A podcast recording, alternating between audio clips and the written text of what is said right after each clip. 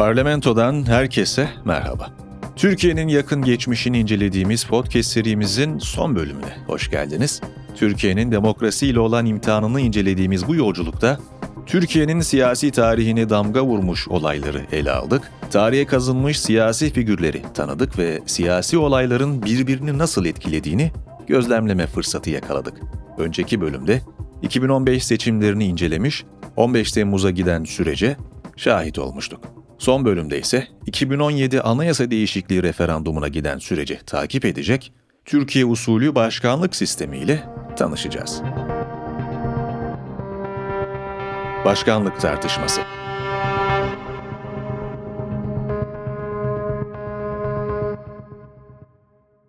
O halin ilanıyla başlayan süreç devam ederken AK Parti hükümeti de bir taraftan sistem değişikliği hazırlığına girişiyordu. AK Parti aslında 15 Temmuz öncesindeki dönemde de parlamenter sistemi geride bırakarak başka bir sisteme geçmek istediğini açıklamış fakat iktidarı koruyamadığı Haziran 2015 seçimiyle bu istek ertelenmişti. Kasım 2015 seçimiyle otoritesini tekrar kuran AK Parti yine hazırlıklara girişmeye yeltenmiş olsa da parti içi anlaşmazlıklar sonrasında da 15 Temmuz darbe girişimi bu planları yine ertelemişti.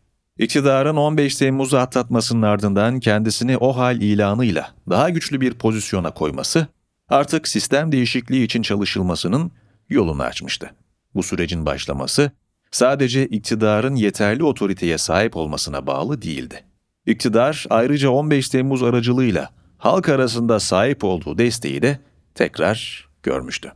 Bu destek ilerleyen günlerde yapılan mitinglerde de kendisini gösterince AK Parti içerisinde parlamenter sistemin yerine geçecek bir sistem için hazırlıklar hızla başlamıştı. AK Parti'nin hazırlamaya giriştiği yeni sistemin en büyük önceliği Cumhurbaşkanı Erdoğan'ın aktif siyasete tam anlamıyla dönmesiydi.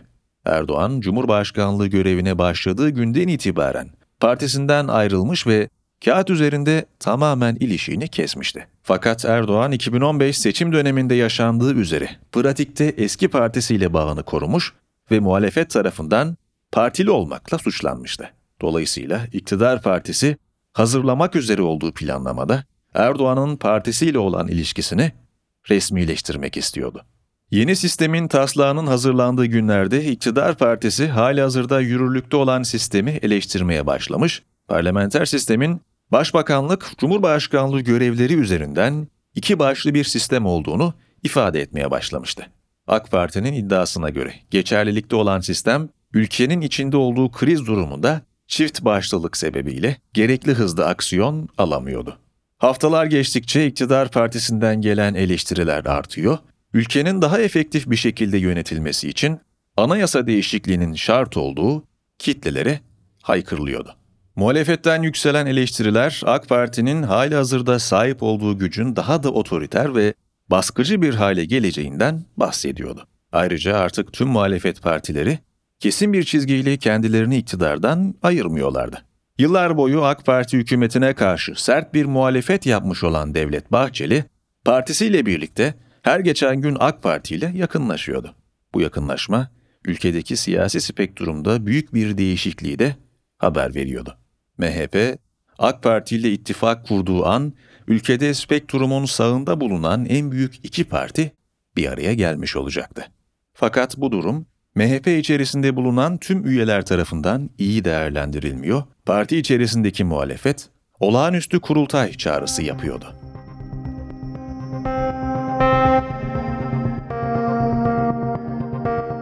Baskı.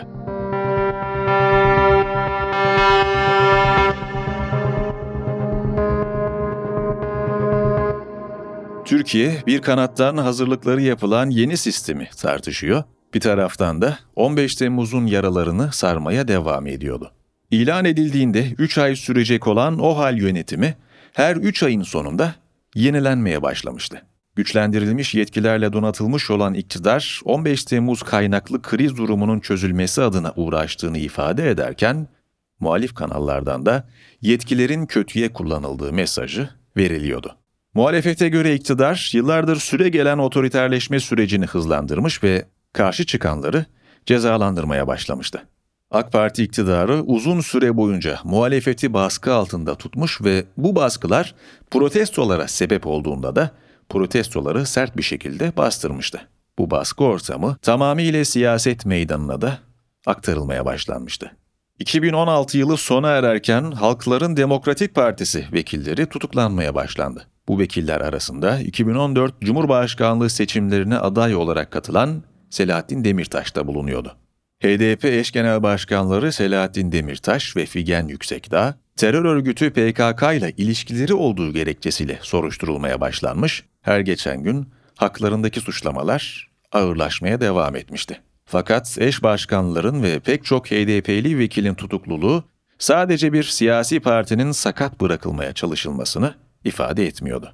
Selahattin Demirtaş tutukluluk kararını şu sözleriyle eleştirmişti. Bu dosya sayısı da istenen ceza miktarı da gösteriyor ki bunun hukukla, yargıyla falan alakası yok. Bu bir siyasi ölç alma, intikam operasyonudur. Sarayın darbesinin e, işte bize e, yansımasından başka bir şey değil. E, İşlediğimiz bir suç yok. Biz kendimize güveniyoruz. Adil bir yargılama olsa zaten hemen berat etmemiz lazım. Ama yargılama makamlarının adil davranacağına dair içimizde güçlü bir umut yok. Bir beklenti yok. E, memlekette rüşvet, yolsuzluk, hırsızlıkla suçlanmış bir sürü insan aklanırken, kendini yargı üzerinden temize çıkarırken bizim gibi insanlar siyasi düşünceleri nedeniyle ağır cezalara çarptırılmak isteniyor. Biz geri adım atmayacağız. Yani tutumumuz tümüyle siyasi olacak yargılama aşamasında. İçimiz rahattır. Halkımız her yerde vekillerine sahip çıkmalı. Meydanları, alanları doldurmalı. Tutuklama, gözaltı olduğunda çok sert bir şekilde protesto etmeli ve kendi iradesine sahip çıkmalı. Bu süreci ancak böyle düzeltebiliriz. Bu hamleyle çözüm sürecinin iptalinden sonraki iktidarın tutumu da ortaya çıkıyordu. Kürt sorunu olarak anılan problem artık iktidar tarafından barışla çözülmek istenmiyordu. İktidardan gelen baskı sadece siyasi partilere odaklı değildi. CHP'li Enis Berberoğlu, MİT tırları olarak hatırlanan olaylarla alakalı görüntüleri Can Dündar'a verdiği iddiasıyla yargılanmaya başladı. Berberoğlu, devletin gizli kalması gereken bilgi ve belgelerini askeri ve siyasal casusluk amacıyla temin etme ve FETÖ, PDY silahlı terör örgütüne bilerek ve isteyerek yardım etme suçlarından iki müebbet hapis cezası alsa da mahkemenin uyguladığı indirimle 25 yıl hapse mahkum edildi. Bu haberin yayınlanmasıyla CHP grubu meclisi terk etmiş ve krizle alakalı harekete geçmişti. Eğer bir bedel ödemek gerekiyorsa o bedeli önce biz ödeyeceğiz. Adalet yürüyüşüdür. Adaleti isteyen herkes bu yürüyüşe destek vermek zorundadır. CHP lideri Kılıçdaroğlu yaşananların büyük bir adaletsizlik olduğunu ifade etmiş ve dinlediğiniz sözleriyle adalet yürüyüşü olarak tanımladığı protesto eylemine başlanacağını açıklamıştı. Adalet yürüyüşü Ankara'dan yola çıkarak İstanbul'da Maltepe'de bitecekti. Bu yürüyüşle protestocular yargının bağımsız olması gerektiğine dikkat çekmek istiyorlardı. Ayrıca AK Parti'nin 3 ay süreceğini ifade ettiği OHAL yönetiminin de sona ermesi yürüyüşe katılanların talepleri arasındaydı. 15 Haziran 2017'de başlayan bu yürüyüş 420 kilometre yolun 25 günde tamamlanmasıyla sonuçlanmış ve varış noktası olarak belirlenen Maltepe'de bir miting yapılmıştı. İktidar bu süre boyunca yürüyüşü eleştirmişti.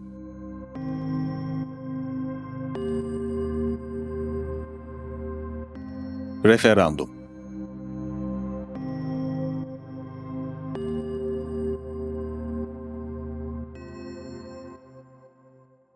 Ülkedeki polarizasyon her geçen tartışmayla derinleşmekte, iktidar ve hükümet arasındaki gerginlik tırmanmaktaydı. İktidar partisi taslağını hazırladığı Türkiye usulü başkanlık sistemini halka tanıtmaya başlamış, mecliste de bu değişikliklerin yapılabilmesi için yasama sürecini başlatmıştı. Yeni sistemin efektif olduğu iddia ediliyor ve ülkenin bu sistemle birlikte güçleneceğinden bahsediliyordu. Bahsi geçen taslak komisyondan geçtikten sonra oylanmak üzere Meclis Genel Kurulu'na gönderildi. Meclis tüzüğüne göre bu kanun teklifinin halk oylamasıyla yasallaşması için 330 kabul oyuna ihtiyacı vardı. Eğer ki teklif 367 oy barajını geçerse de halk oylamasına gerek kalmadan doğrudan yasalaşabilecekti. AK Parti sıraları birlik içerisinde kabul oyu vererek MHP de kabul oyu vererek değişikliğe destek verecekti. Diğer tarafta ise CHP birlik içerisinde teklifin karşısında bulunacağını açıklamıştı. HDP ise teklifin meclise gelmesinden önce yaşanan gelişmeler ve partinin baskı altında bulunmasıyla oylamaya katılmayı reddetti. HDP teklif oylanmaya giderken boykot kararı almış, demokratik olmayan koşullarda bu oylamaya katılmayacağını ifade etmişti. Mecliste bulunan diğer iki bağımsız vekil, Ümit Özdağ ve Aylin Nazlı Aka da teklifin karşısında duracaklarını açıklamışlardı. Taraflar bu şekilde belirlenmişken oylama gerçekleşti ve söz konusu teklif 339 oy alarak referandum barajını geçti. Bu sonuç hükümet cephesi için bir başarı olsa da sonucun referandumu işaret etmesi sürecin gecikeceğini haber vermişti. AK Parti, MHP ile birlik olduğunda dahi meclis yoluyla istediği değişikliği derhal alamamıştı. Ayrıca MHP sıralarından fireler de verilmişti. MHP'nin 39 vekilinden 33'ü kabul yönünde oy kullanmış, 6 vekil teklifin karşısında oy kullanmıştı. MHP içerisinde tartışmalar daha da alevleniyordu. Yasalaşması için halka sunulacak teklifin oylanması içinse 16 Nisan 2017 tarihi belirlenmişti. Teklifin meclisten geçtiği günden bu tarihe kadarsa ülke tarihindeki en gergin kampanya çalışmaları başlamış oldu. Sadece siyasi partiler değil, tüm ülke evet ve hayır tarafları arasında bölünmüştü.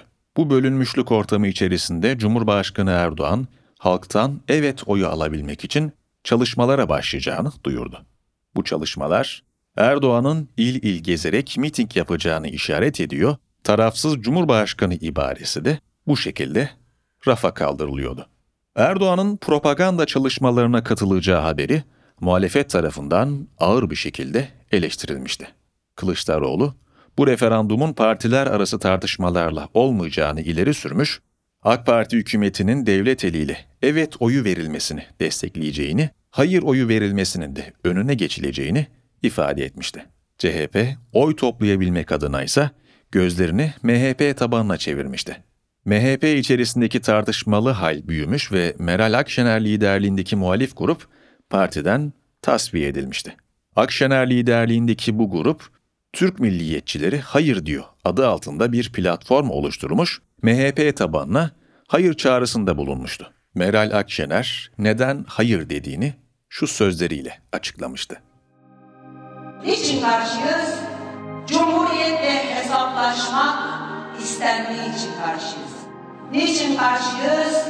İki ayyaş devirerek Cumhuriyetin kurucuları ile ilgili sarf edilen sözü neye tekabül ettiğini bugün AKP mensuplarının, yönetici kadrolarının yazdıklarından, çizdiklerinden, söylediklerinden ortaya çıktığı için karşıyım.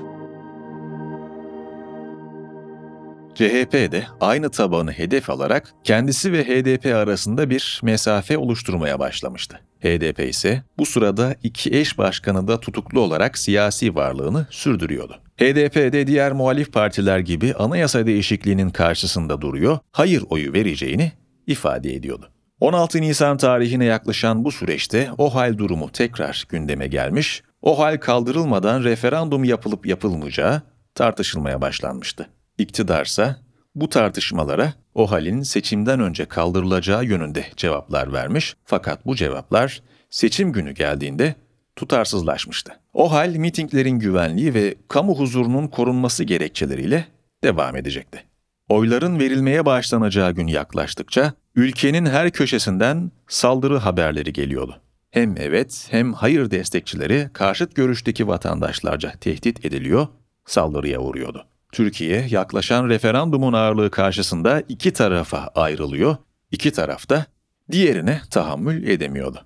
Takvimler 16 Nisan 2017 tarihini işaret ettiğinde ise vatandaşlar oylarını kullanmış vaziyette sonuçların açıklanmasını bekliyorlardı. Bu gergin atmosfer içerisinde sonuçlar açıklandığında ise iki tarafta sonuçları şaşkınlıkla karşılamıştı.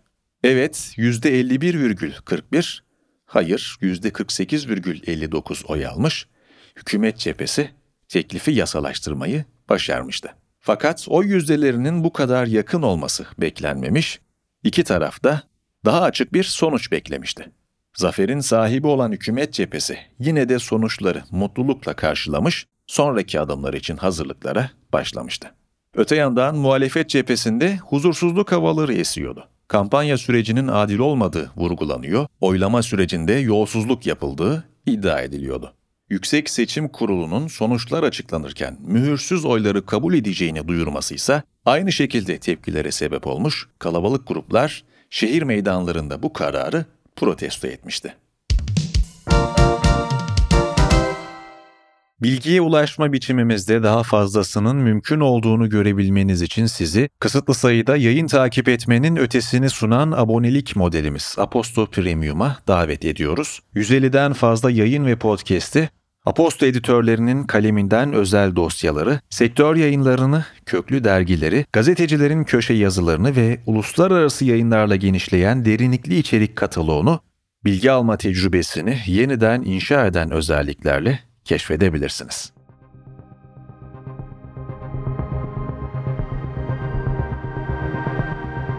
Yeni düzen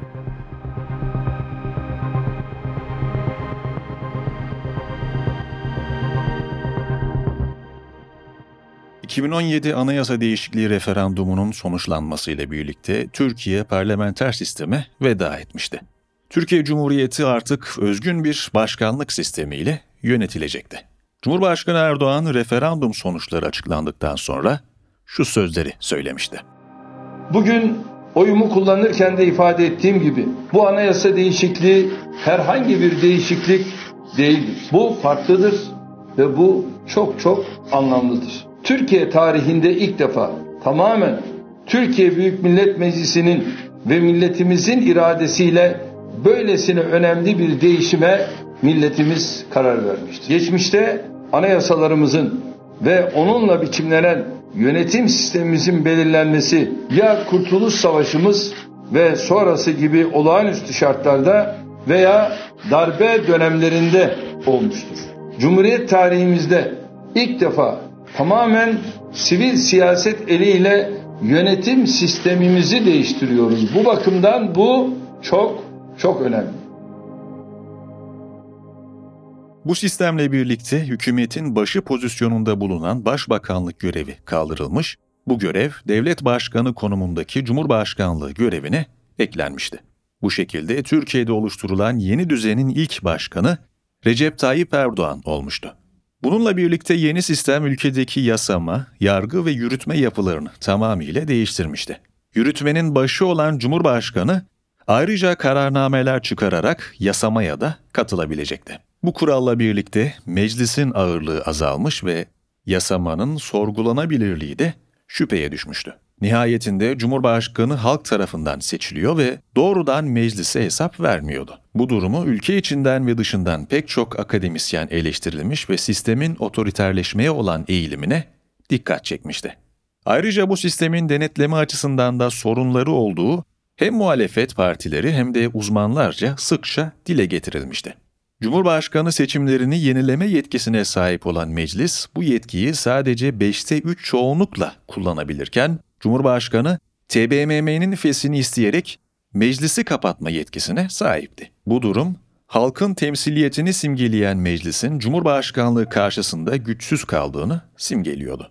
Ayrıca meclise verilen yetki için gereken çoğunluğun sağlanabilmesi de pratikte olası gözükmüyordu. Yapılan değişikliklerle birlikte hem genel seçimlerin hem de Cumhurbaşkanı seçimlerinin aynı gün yapılacak olması da meclisin Cumhurbaşkanını denetlemesini zora sokuyordu. Aynı gün içerisinde yapılan bir seçimde bir partinin iki seçimde de yakın sonuçlar alması, birini kazanıp diğerini kaybetmesinden daha beklendik bir durumdu.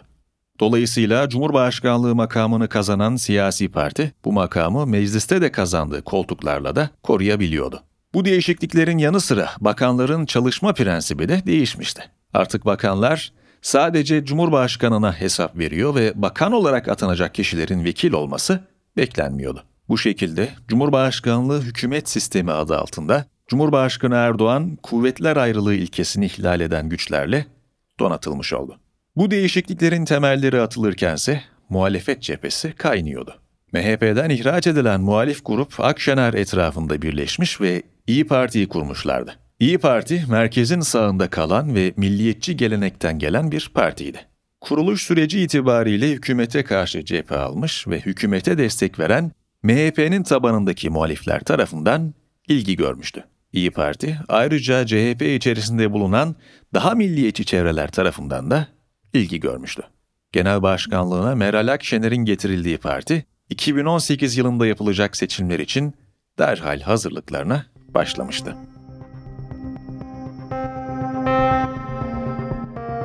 ...2018 genel seçimleri ve Cumhurbaşkanlığı seçimi.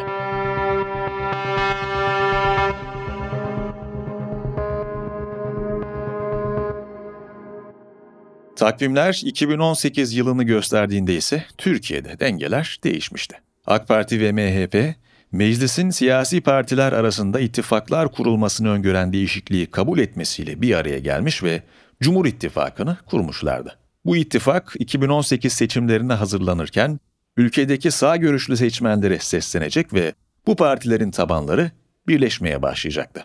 Öte yandan muhalefet sıraları da ittifak oluşturmaya başlamıştı. CHP, Demokrat Parti, Saadet Partisi ve İyi Parti bir araya gelerek Millet İttifakı'nı kurmuştu. Bu ittifak, HDP tabanı haricindeki tüm seçmenlere doğrudan seslenecekti. İki rakip ittifak bu şekilde hazırlık çalışmalarına başladı. Cumhur İttifakı tek bir aday çıkarmaya hazırlanırken, hükümet karşıtlığı ile birleşen Millet İttifakı üye partileri bu seçimde tek aday formülüne başvurmamaya karar vermişti. Millet İttifakı içerisinde bulunan tüm partiler kendi adaylarını çıkartarak seçime gideceklerdi. HDP kanadında ise koşullar daha farklıydı. HDP hala pek çok vekilinin tutuklanmış olmasıyla mücadele ediyordu. Ayrıca muhalefette kurulan yeni ittifaka katılması da olası gözükmüyordu. Millet İttifakı içerisindeki milliyetçi gruplar HDP'yi kabul etmeyeceği gibi HDP de bu gruplarla birlikte hareket etmeyecekti. Aynı şekilde Cumhurbaşkanlığı adaylığında diğer muhalefet partileriyle ortak bir aday da belirlenmeyecek, aday parti içerisinden çıkarılacaktı. Normal şartlarda 2019 yılında yapılacak olan seçimler, Devlet Bahçeli'nin erken seçim teklifiyle erkene alınmıştı. Seçimler için 24 Haziran 2018 tarihi gösterilmiş, o hal kaldırılmadan seçime gidileceği eleştirilmiş olsa da muhalefette bu tarihe göre çalışmalarını hızlandırmıştı. OHAL yönetimi 20 Temmuz 2016 tarihinden beri yürürlükteydi ve son uzatılmayla birlikte seçimi de içine alacaktı. Bu haber uluslararası medyada çokça tartışılmış, OHAL geçerliliğini sürdürürken demokratik bir seçim yapılıp yapılmayacağı sorulmaya başlanmıştı. Fakat bu tartışmalara hükümet cephesinden sert cevaplar gelmiş, seçim programı tartışmalardan etkilenmeden devam etmişti. Türkiye, daha önce eşi benzeri görülmemiş bir sistemle birlikte ilk defa seçime gitmeye hazırlanıyor, seçim hazırlıkları tüm hızıyla devam ediyordu. Bu atmosfer içerisinde partiler hem vekil listelerini hem de Cumhurbaşkanı adaylarını açıklamaya başlamışlardı. Cumhur İttifakı aday olarak Recep Tayyip Erdoğan göstermiş, istikrar ve efektiflik üzerine kampanyalarını başlatmışlardı. Öte yandan muhalefet cephesi öncesinde duyurulduğu üzere ortak bir aday olmadan yollarına devam etmeyi seçmişlerdi. CHP Muharrem İnce'yi, İyi Parti ve Demokrat Parti Meral Akşener'i, Saadet Partisi Temel Karamollaoğlu'nu, HDP Selahattin Demirtaş'ı ve Vatan Partisi de Doğu Perinçe'yi aday göstermişti. Adayların açıklanmasının ardından başlayan gergin süreç içerisinde adaylar arasındaki tartışmalar medyada yankılanmaya başlamıştı. Erdoğan, hanesine eklenecek bir zaferin hazırlığını yaparken muhalif partilerin liderleri ikinci tura gerek olmadan Erdoğan'ın yenileceğinden bahsediyorlardı. Siyaset meydanında yapılan tartışmalar sokaklara iniyor, halk ülkenin her köşesinde yaklaşan seçimi konuşuyordu. Bu atmosfer içerisinde seçim günü geldiğinde ise nefesler tutulmuş, vatandaşlar ekran başlarında sonuçların açıklanmasını bekliyorlardı. Genel seçimlerin sonuçları açıklandığında ise AK Parti %42,56 oy ve 295 vekille ilk sırada çıkmıştı. İttifakın diğer üyesi MHP ise %11,10 oy almış ve 49 vekil çıkarabilmişti. En son seçimle karşılaştırıldığında AK Parti neredeyse %7 oy kaybı yaşamış, MHP de %0,8 civarında oy kaybetmişti. Muhalefet cephesinde ise CHP yine ana muhalefet partisi pozisyonunda sandıktan ikinci çıkmıştı. CHP %22,65 oy almış ve 146 vekil çıkarmıştı. HDP de oylarını yükseltmiş ve %11,70 seviyesine ilerlemişti. Ayrıca HDP 67 vekil çıkarabilmiş, MHP'yi geçerek sandıktan 3. sırada çıkmıştı. Yeni kurulan İyi Parti ise %9,96 civarında oy alarak 43 vekil çıkarmaya hak kazanmıştı. CHP, MHP ve AK Parti oylarından verilen kayıplar doğrudan İyi Parti tabanını oluşturmuştu. Toplamda 600'e çıkarılan meclisteki sandalye sayısı bu sonuçlar gözetilerek dağıtıldığında ise hükümet kanadı çoğunluğu sağlamış ve meclisteki dominasyonunu kanıtlamıştı. Herkesin gözü bu sefer Cumhurbaşkanlığı sonuçlarını aramaya başlamış, sonuçlar hızla açıklanmıştı. Erdoğan sandıktan birinci sırada çıkmış ve aldığı %52,59 oranındaki oy, ikinci bir tur olasılığını silip atmıştı. İkinci sırada Muharrem İnce %30,64 ile gelmiş, üçüncü sıradaki Demirtaş %8,40 oyla İnce'yi takip etmişti. Akşener, Demirtaş'ın hemen arkasında %7,29 oyla dördüncü sırada kalmıştı. Beşinci sırada yer alan Temel Karamollaoğlu ise %0,89 oy almış, Perinçek ise %0,20 ile altıncı sırada kalmıştı. 24 Haziran günü Cumhur İttifakı'nın zaferiyle sonuçlanırken muhalefet kanadı büyük bir hezimete uğramıştı. Fakat tecrübe edilen mağlubiyet içerisinde AK Parti'nin kan kaybettiği de ortaya çıkmıştı. Erdoğan'ın seçimdeki başarısı AK Parti'nin kan kaybını gölgelese de muhalefet gelecek seçimlere hazırlanabilmek için bir motivasyon kaynağı bulabilmişti. Erdoğan seçim sonrası yaptığı balkon konuşmasında şu sözleri söylemişti. Bu seçimin birinci partisi AK Parti. Diğerleri düşünsün. Her olanda hayır vardır.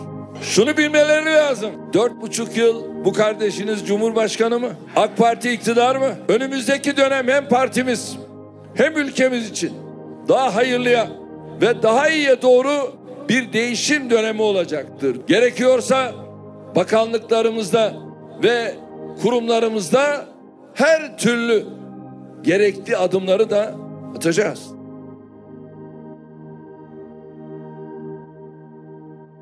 Seçimin ertesi. Mecliste 27. yasama yılı başlarken AK Parti MHP ittifakı güçlü bir pozisyonda gözüküyordu. Oysa ki MHP bölünmüş ve içinden aynı güce sahip başka bir parti çıkmıştı. AK Parti içinde aynı kader yaklaşıyordu. AK Parti, büyüklüğü gereği pek çok farklı grubun aynı çatı altında birleştiği büyük bir siyasi partiydi. Dolayısıyla içerisinde birbirleri arasında sorun yaşayan gruplar da bulunuyordu.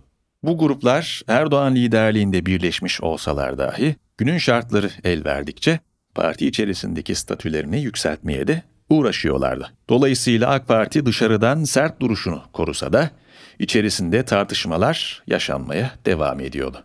Gelecek yıllarda kurulacak partiler ve devamlı değiştirilen bakanlar bu sorunların kanıtı olarak kendilerini göstereceklerdi. Fakat durum ne olursa olsun Cumhur İttifakı seçimlerde hem meclisi hem de Cumhurbaşkanlığını kazanmış, ülkedeki merkezi idareyi kendilerine bağlamışlardı. Bu ittifakın gelecek sınavı ise yerel seçimler olacaktı.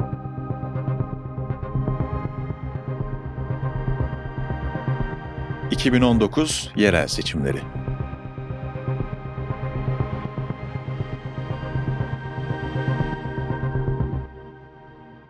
24 Haziran'da yapılan seçimlerle birlikte ülkedeki siyasi atmosfer hiç dinmemiş ve yaklaşık 9 ay sonrasında yapılacak olan yerel seçimler için seçim gerginliği kaldığı yerden devam etmişti. İttifaklar aslen genel seçimler için kurulmuş olsa da bu birlikteliklerin yerel seçimlere taşınıp taşınmayacağı herkes tarafından tartışılmaya başlanmıştı. Fakat bu tartışmaların yaşandığı günlerde Cumhurbaşkanı Erdoğan'ın parti tabanlarının beklentisi olduğu açıklamasıyla ittifaklar tekrar gün yüzüne çıkmıştı. Muhalefet cephesinde ise Millet İttifakı seçimlerde daha iyi sonuçlar alabilmek adına harekete geçmiş, özellikle İyi Parti ve CHP arasındaki diyaloglar olumlu sonuçlar doğurmuştu. İyi Parti, büyük şehirlerde yarışmama kararı almış, ortak aday arayışlarına girişmişti. Bu arayış içerisinde İstanbul için Ekrem İmamoğlu, Ankara içinse Mansur Yavaş aday olarak belirlenmişti. Muhalefetin sunduğu adaylar karşısındaysa Cumhur İttifakı İstanbul'da Binali Yıldırım'ı, Ankara'da ise Mehmet Özhaseki'yi aday göstermişti. Bu süreç içerisinde ise medya organlarının önemi tekrar ön plana çıkmış, muhalefet cephesinden sıkça basının tarafgirliğine eleştiriler gelmişti. Dünya Basın Özgürlüğü Endeksi kapsamında her yıl gerileyen Türkiye'de basın her geçen gün hükümet çizgisine yaklaşan yayınlar yapmaktaydı. Bu tutum seçimlerin yaklaşmasıyla kendisini daha açıkça göstermeye başlamış, muhalefet adaylarına daha az ekran süresi verilmesi gündeme gelmişti. Muhalefet liderleri her imkanda bu adaletsizlikten bahsetmiş fakat göze çarpan değişimler yaşanmamıştı. Medya sansürüyle ilgili en büyük kriz ise seçimlerin yapıldığı 31 Mart gecesi yaşanacaktı. Takvimler 31 Mart tarihini gösterdiğinde ülke çapında yerel yönetimlerin belirlenmesi adına oylar kullanılmıştı. İlerleyen saatlerde sonuçlar gelmeye başlamış. AK Parti iktidarı süresince ilk defa Türkiye haritası muhalif partilerin renkleriyle boyanmaya başlamıştı. Fakat dikkatler seçim sürecinin başından beri odağın üzerlerinde olduğu Ankara ve İstanbul'a kilitlenmiş vaziyetteydi. Akşam saatlerinde muhalefet cephesi büyük bir mutlulukla başkent Ankara'nın neredeyse kazanıldığını kutluyor fakat gergin bir şekilde İstanbul'u izliyordu. İstanbul'da ise karışık bir durum hakimdi. Devlet kurumu olan Anadolu Ajansı İmamoğlu'nun Yıldırım'ı geçtiği bilgisini paylaşmış fakat akabinde veri akışı dondurulmuştu. Seçmenler şaşkın bir şekilde bekliyor, muhalefet telaşla seçime müdahale edildiğini düşünüyordu. Bu gergin bekleyiş sırasında veri akışının tamamen kesilmesi seçimi takip edenleri şok etmişti. Son verilere bakıldığında İmamoğlu önde gözüküyordu. İmamoğlu gece saatlerinde yaşananlarla alakalı konuşma yapmış fakat bu konuşma hükümet çizgisine yakın kanallarca görmezden gelinmişti. Seçmenler haber kaynaklarından bir şey öğrenemiyor, muhalefet bu kuruluşları yolsuzluk ve taraf tutmakla suçluyordu. Sabah saatlerinde ise ülkede bir kararsızlık hakimdi. İstanbul'da önde olan İmamoğlu mazbatasını alamamış, hükümet yetkilileri seçimde oy kaçırıldığı iddiasıyla YSK'ya başvurmuştu. Öte yandan Ankara'da böyle bir karmaşa görülmemiş, Mansur Yavaş'ın zaferi kabul edilmişti. İstanbul'da yaşananların yorumu iki tarafça farklı yorumlanmış, seçmenler arasında tartışmalar alevlenmişti. Bu kaotik durum içerisinde ilerleyen günlerde YSK İstanbul Büyükşehir Belediye Başkanlığı için yapılan seçimin iptaline karar vermiş ve seçimlerin yeniden yapılacağını duyurmuştu. Muhalefet öfkeyle tepki vermiş, hükümetin seçimi kazanamadığı için tekrarladığını ifade etmişti. Tekrarlanacak seçimler içinse tarih olarak 23 Haziran 2019 tarihi gösterilmişti. Seçimler arasındaki aylarda propagandaların boyutu ve şiddeti artmıştı. Cumhur İttifakı, Millet İttifakı'nı oy çalmakla suçlamış, Millet İttifakı ise diğerini yolsuzlukla suçlamıştı. Ekrem İmamoğlu, 23 Haziran seçimleri yaklaşırken şu sözleri söylemişti. Yolumuz uzun, heyecanımız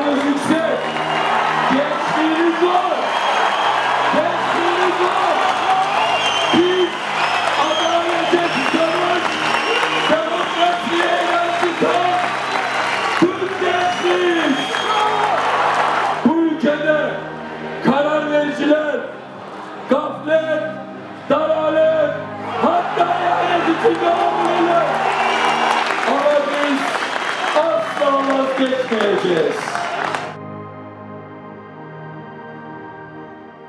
Bu şekilde ilerleyen süreç sonundaysa 23 Haziran tarihinde seçimler yapılmış. Bu sefer İmamoğlu %54,22 oy alarak seçimi kazanmıştı. Eski Başbakan ve AK Parti Genel Başkanı Yıldırım ise %45 oy almış fakat bu sefer mağlubiyet kabul edilmişti.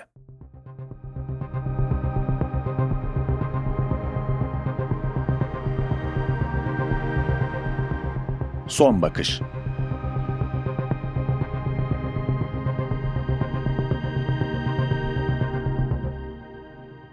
İstanbul ve Ankara'nın kaybedilmesi Cumhur İttifakı için sarsıcı olmuştu. Bu zafer CHP etiketiyle yapılmış olsa dahi zaferin arkasında hem Millet İttifakı içinden gelen destek hem de İstanbul'da yaşayan Kürt seçmenlerin büyük bir etkisi olmuştu. Muhalefet yıllar sonrasında gidişatı değiştirebilmiş, AK Parti sahip olduğu galibiyet serisine ikinci mağlubiyetini eklemişti.